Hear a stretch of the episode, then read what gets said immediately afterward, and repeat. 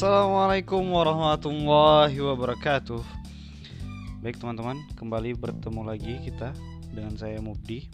Kali ini kita akan membahas uh, tes wawasan kebangsaan paket 3 Paket 3 SKD Jadi teman-teman uh, kita tetap jaga kesehatan kita Karena jika kesehatan kita terganggu Baik itu batuk atau pilek atau demam saja Itu akan menurunkan kemampuan atau tingkat konsentrasi kita. Jadi teman-teman mulai jaga kesehatannya. Yang biasa nggak minum es nggak usah minum es yang uh, kalau kedinginan misalnya pakai jaket kalau keluar malam jadi tetap jaga kesehatannya karena uh, kesehatan itu sangat menentukan sekali kemampuan kita dalam mengerjakan soal-soal CPNS utamanya. Oke kita lanjutkan nomor satu.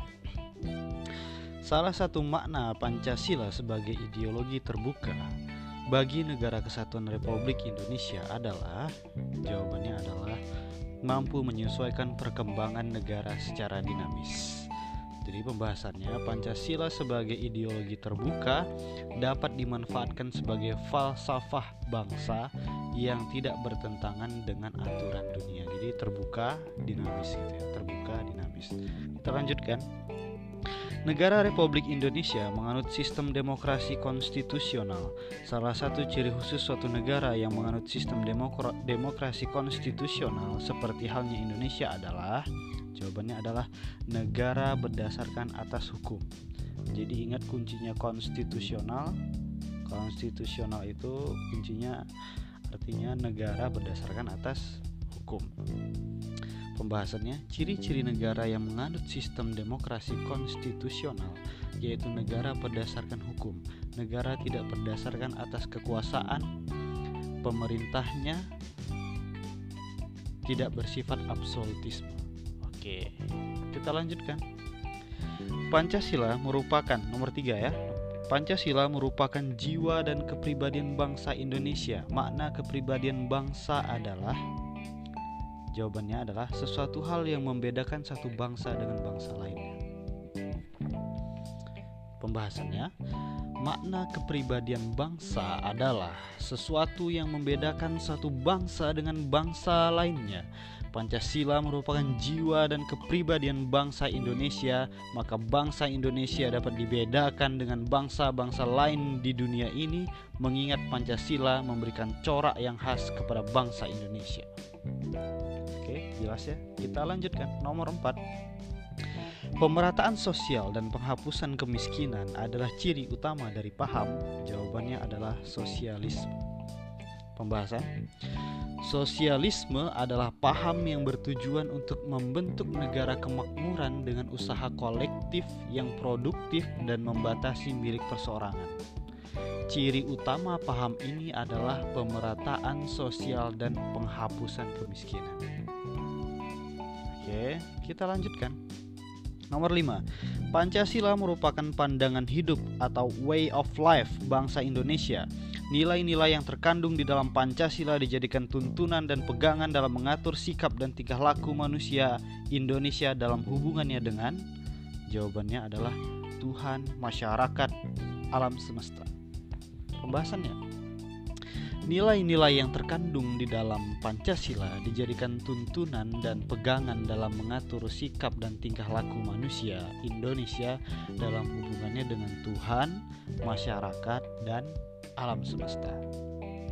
Kita lanjutkan nomor 6. Bangsa Indonesia merasa dirinya sebagai bagian dari seluruh umat manusia dan bekerja sama dengan bangsa lain merupakan pengamalan sila. Jawabannya adalah kemanusiaan yang adil dan beradab. Pembahasannya Bangsa Indonesia merasa dirinya sebagai bagian dari seluruh umat manusia dan bekerja sama dengan bangsa lain merupakan pengamalan sila kemanusiaan yang adil dan beradab. Kita lanjutkan nomor 7. Tujuan pembentukan BPUPKI adalah jawabannya menyelidiki, menyelidiki dan mempersiapkan kemerdekaan Indonesia. Jadi BPUPKI atau Dokuritsu Junbi Kosakai adalah badan bentukan Jepang untuk menyelidiki kesiapan kemerdekaan bangsa Indonesia. Kita lanjutkan nomor 8. Tiga tokoh yang mengemukakan pandangannya mengenai usulan dasar negara Indonesia pada sidang pertama BPUPKI adalah jawabannya Muhammad Yamin, Mr. Supomo, dan Insinyur Soekarno.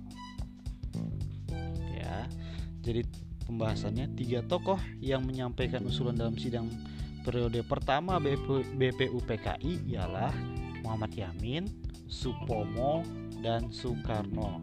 Muhammad Yamin, Supomo, dan Soekarno. Kita lanjutkan nomor 9.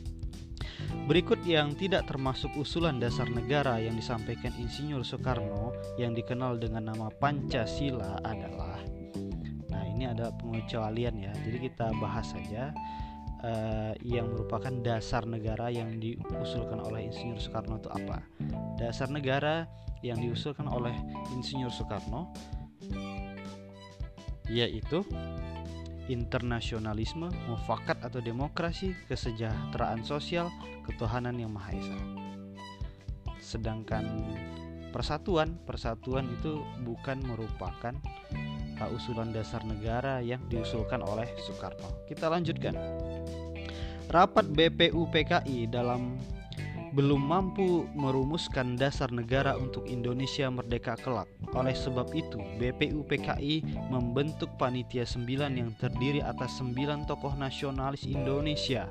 Berikut yang tidak termasuk dalam anggota panitia 9 adalah ini yang penting kita ketahui adalah panitia 9 itu siapa saja gitu. Jadi di sini ada pilihannya AA Maramis, Abdul Kahar Muzakir, Kiai Haji Wahid Hashim, Haji Agus Salim, kemudian Rajiman Wedio Diningrat. Jawabannya adalah Rajiman Wedio Diningrat. Sedangkan AA Maramis, Abdul Kahar Muzakir, Kiai Haji Wahid Hashim, Haji Agus Salim itu merupakan bagian dari panitia 9 kita lanjutkan nomor 11.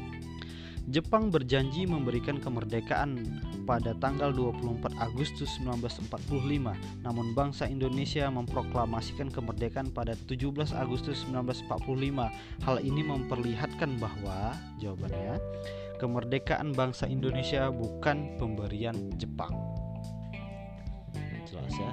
Proklamasi Kemerdekaan Indonesia 17 Agustus 1945 menunjukkan bahwa kemerdekaan yang diraih bukanlah pemberian Jepang. Kita lanjutkan nomor 12. Tindakan pemerintah Jepang yang secara tidak langsung memperkuat ikatan persatuan seperti yang dicita-citakan dalam Sumpah Pemuda adalah jawabannya diperbolehkannya penggunaan bahasa Indonesia secara meluas. Pembahasan Menjelang berakhirnya Perang Dunia Kedua, Jepang berupaya mendapat dukungan untuk memenangkan Perang Pasifik dengan memperbolehkan penggunaan bahasa Indonesia. Oke, kita lanjutkan nomor 13.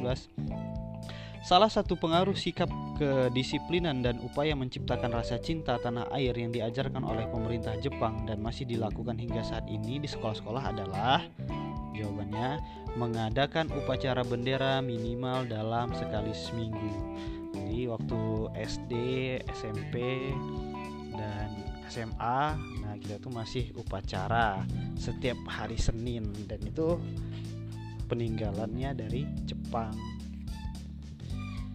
Oke kita lanjutkan Agar bangsa Indonesia bersedia menjadi Romusa, Jepang menyebut para Romusa sebagai jawabannya adalah pahlawan perang.